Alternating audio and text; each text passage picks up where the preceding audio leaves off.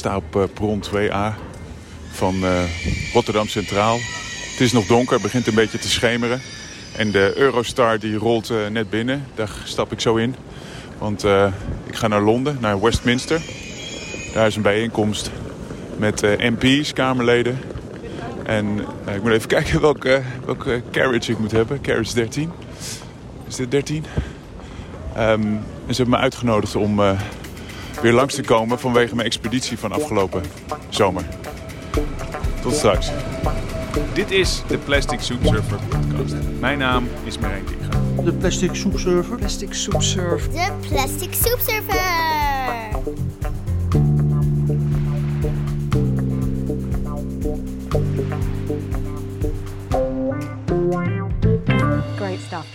Now, how's this for dedication? Meet Moraine Tinga, who has windsurfed from Oslo to London to get his environmental message heard. Frankie McCamley has more because she spoke to him as he arrived along the Thames today. Misschien herinneren jullie je nog hoe ik eh, afgelopen zomer van Oslo naar Londen windsurfde? 1600 kilometer en ik deed daar 32 dagen over. Mijn windsurfboard was gebouwd met gerecyclede materialen, vlas, plastic flesjes die ik persoonlijk uit de Theems had gevist.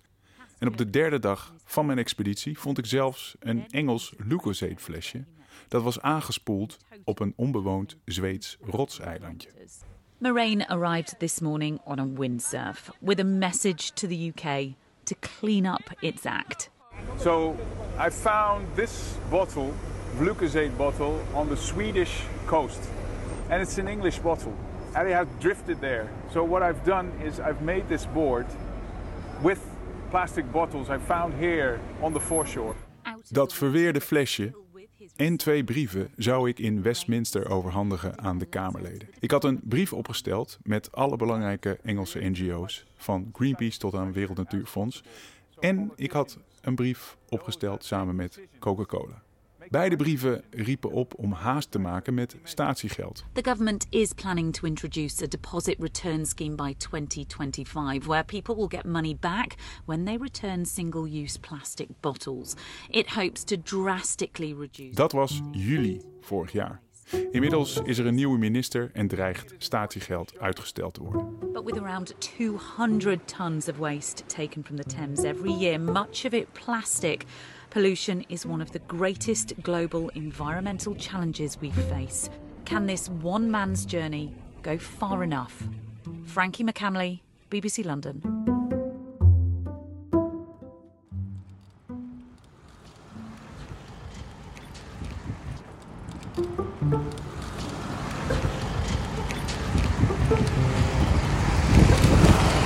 Zo, dat is wel weer even wennen met links fietsen. Verkeer schiet om me heen. Maar hier even een heuveltje over en dan ga ik, rol ik straks naar beneden, naar de Theems. Naar Westminster.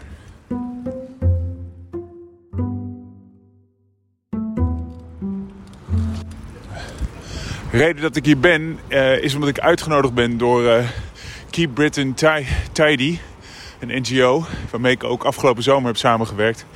Um, en er is een bijeenkomst over statiegeld. Het debat over statiegeld is in Groot-Brittannië al vele jaren gaande. In 2018 werd besloten dat er een statiegeldsysteem moest komen in 2025.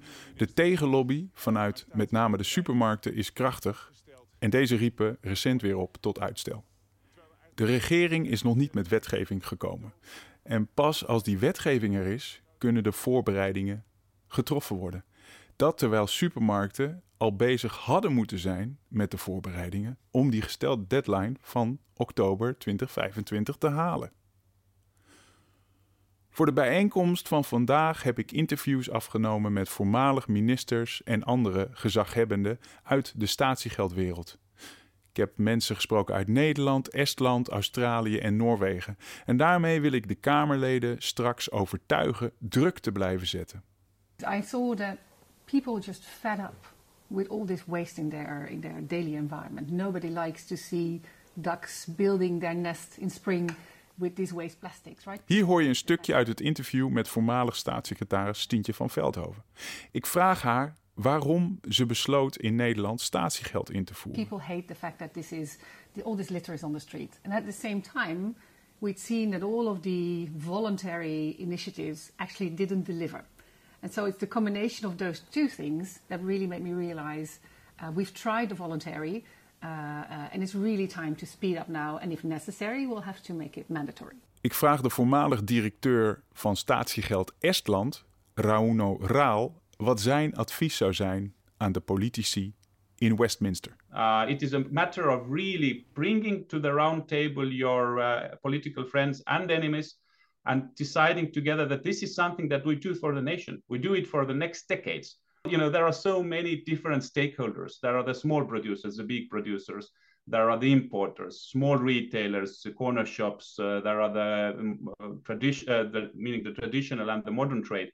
Everybody has its own interests and fears because the major thing is something new equals something of big fear. And you just need to communicate, communicate. And actually, the government has an important role to bring out the benchmark projects and, and experience from the world and to, to kind of really bring knowledge instead of fear. And when fear starts to disappear step by step, then construct, constructive thinking uh, kicks in. Met deze testimonials, deze interviews, wil ik druk uitoefenen op de aanwezigen. Als een soort echo's hoor ik precies dezelfde tegenargumenten zoals in Nederland destijds. Of zoals de directeur van Boomerang Alliance, Jeff Angel uit Australië, het verwoordt. My advice to politicians is once you get a DRS in, it's incredibly popular. The beverage industry stops making noise. Uh, industry starts investing in reprocessing and bottle to bottle plants. And you have an incredible example of a circular economy that's unbelievably popular with the public. So just get over some of the uh, opposition. Uh, it's not serious. They will come on board. They will help implement it. And in fact, industry as well as the community will become incredible champions of DRS.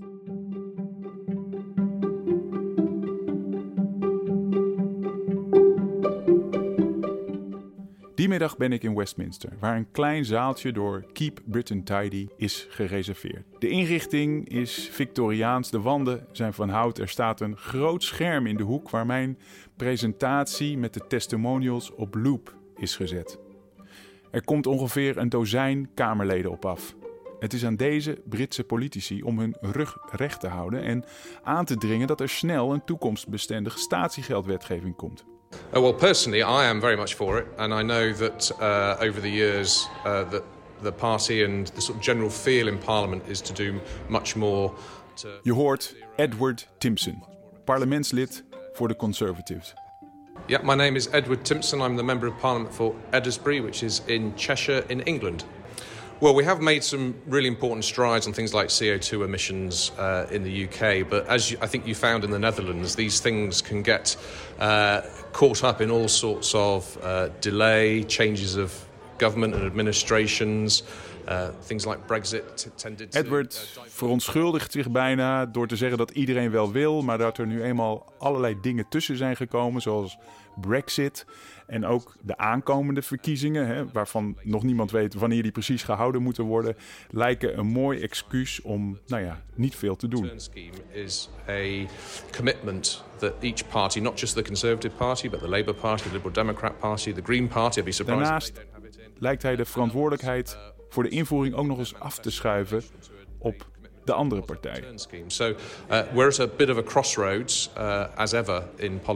Uh, Ervaringen uit andere landen leert dat nadat de wetgeving klaar is, er tenminste twee tot anderhalf jaar nodig is om vervolgens het statiegeldsysteem in te voeren. De logistiek, de machines, die moeten allemaal nog op poten gezet worden. En Edward onderkent dat ze rijkelijk laat zijn en dat het anderhalf jaarpunt snel nadert. Uh, mandatory across the country. So uh, I, I think we won't reach the deadline. It's going to be a struggle. Uh, but the best thing we can do is, is keep making sure that it, it is put at the top of the list for the incoming government, whatever colour that happens to be.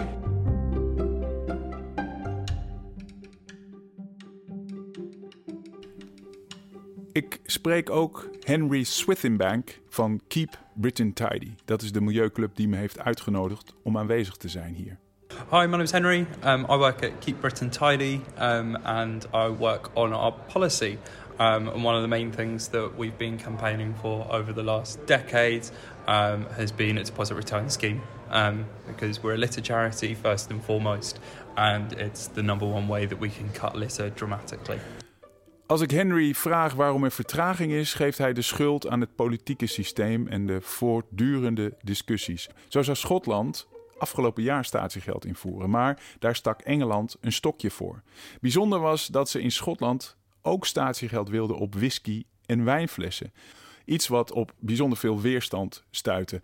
waarom niet wat praktischer beginnen met plastic flesjes en blikjes? Eerst de logistiek opzetten en daarna kijken of er nog wat aan toegevoegd moet worden. Wat me eigenlijk nog meer opvalt, behalve dat het wat mij betreft praktischer had gekund, is de gelatenheid. Ik voel geen boosheid en geen urgentie. Ze hebben zich op een of andere manier al aan de situatie overgegeven, lijkt het. I think realistically, where we're at now, that October 2025 target is sadly now ambitious. En ze lijken er zich ook bij hebben neergelegd dat het een verkiezingsjaar en dat er nog maar weinig te verwachten is. October 2025, does that still feel feasible? I think it would be feasible um, if we had a government who were really, you know, who were really pushing it. Um, I don't think it's likely.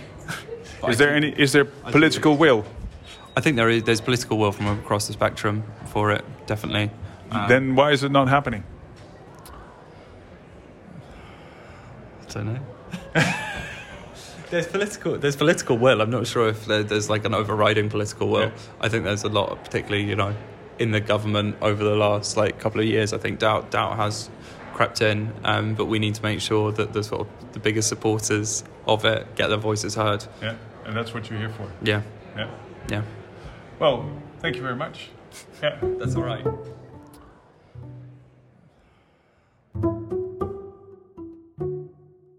Als je het vergelijkt met Nederland, het was juist uh, Sharon Dijksma die in het verkiezingsjaar bij de allerlaatste vergadering juist dat statiegeld er nog even doorheen joeg. Dus het kan ook anders.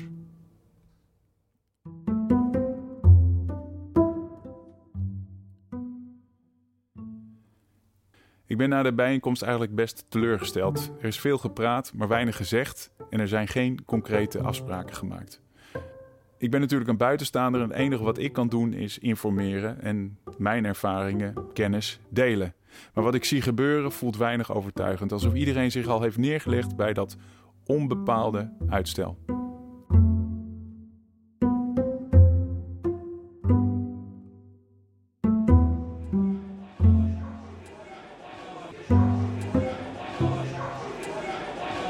Als Mark Rutte hier bijvoorbeeld komt, dan is hij een verademing voor alle journalisten die hier komen uit binnen- en buitenland. Je kan hem een vraag stellen en hij geeft gewoon een antwoord.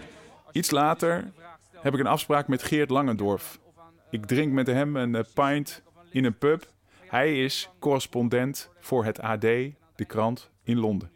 Uh, als, je, als je dezelfde vraag stelt aan, uh, aan Cameron of aan, uh, of aan Rishi Sunak of aan Liz Truss, dan krijg je een heel lang wollig antwoord. En aan het einde, en aan het einde van, van twee, drie minuten woordenbrei weet je eigenlijk niet nou of, of het ja, nee of misschien is. Dus, dus wat dat betreft is het inderdaad onderdeel van de cultuur om, om, om zo vaag mogelijk te zijn. En er zit er ook nog bij een, een soort van uh, optimistisch gevoel over plannen. Engelsen houden er niet van om uh, zich, zich zeer grondig voor te bereiden, uh, ruim van tevoren. Zoals wij in Nederland gewend zijn. zeg maar 1 januari wordt er een plan gemaakt voor wat er eind oktober moet gaan gebeuren. En dan zijn er al drie proefdrukken geweest en testen geweest voordat het uiteindelijk tot uiting komt. Hier in Engeland beginnen ze zo rond augustus eens te kijken van... oh wacht, uh, moest er in oktober niet eens wat gebeuren? En dan vervolgens gaat het allemaal razendsnel, wordt er van alles in elkaar geflanst. En dat zie je bijvoorbeeld met de brexit-regel zo. Aan de Europese kant werkt het dan vrij genoeg vlekkeloos. En in Engeland hebben ze eigenlijk nog niet eens genoeg ambtenaren aangesteld om, om de boel aan deze kant te regelen. Dus wat dat betreft, als je hier komt en je wil iets voor elkaar krijgen, uh, zet je schrap. Want je bent in voor een, uh, voor een behoorlijk lange en, ook vermoeiende strijd. Ik zou alvast mijn kaarten gaan zetten op Labour. Blijf ze vriendelijke mail sturen. vraag kom zo vaak langs als je kan. Stuur ze presentaties en hou voornamelijk regelmatig contact. En, het kan vermoeiend zijn, maar ik heb zo'n idee dat je, dat je uiteindelijk wel goed uitkomt.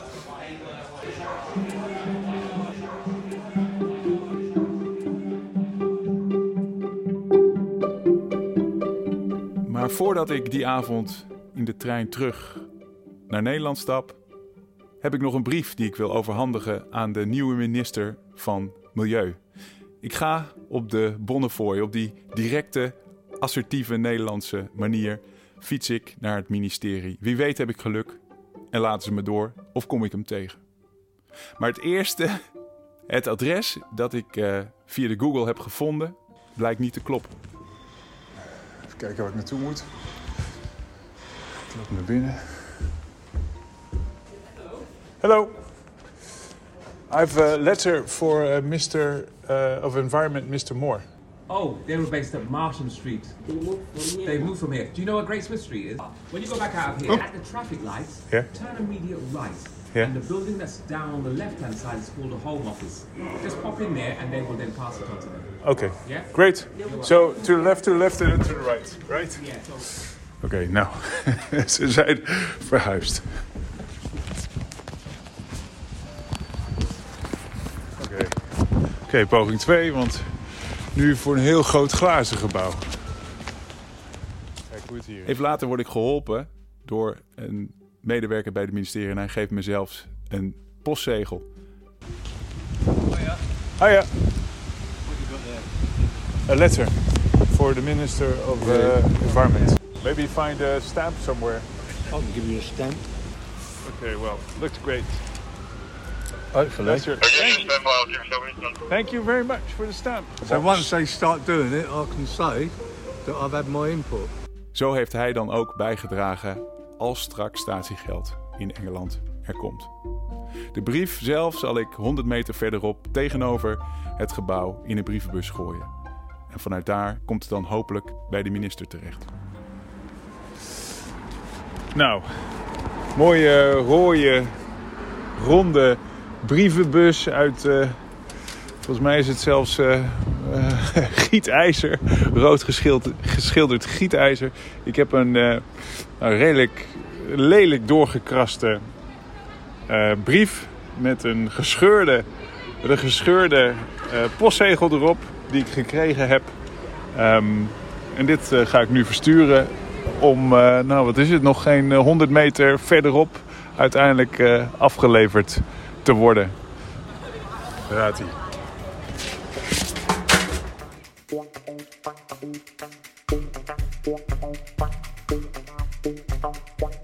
Juni ben ik straks weer terug voor het vervolg van mijn windsurftocht van afgelopen zomer.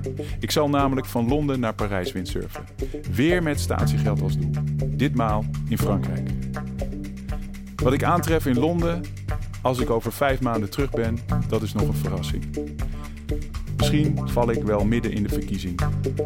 Intussen zal ik het advies van Geert volgen en de Labour MP's blijven mee. Dit was de Plastic Soup Surfer podcast. Vond je het leuk? Doe dan een kleine donatie op plasticsoupsurfer.org en blijf ons volgen.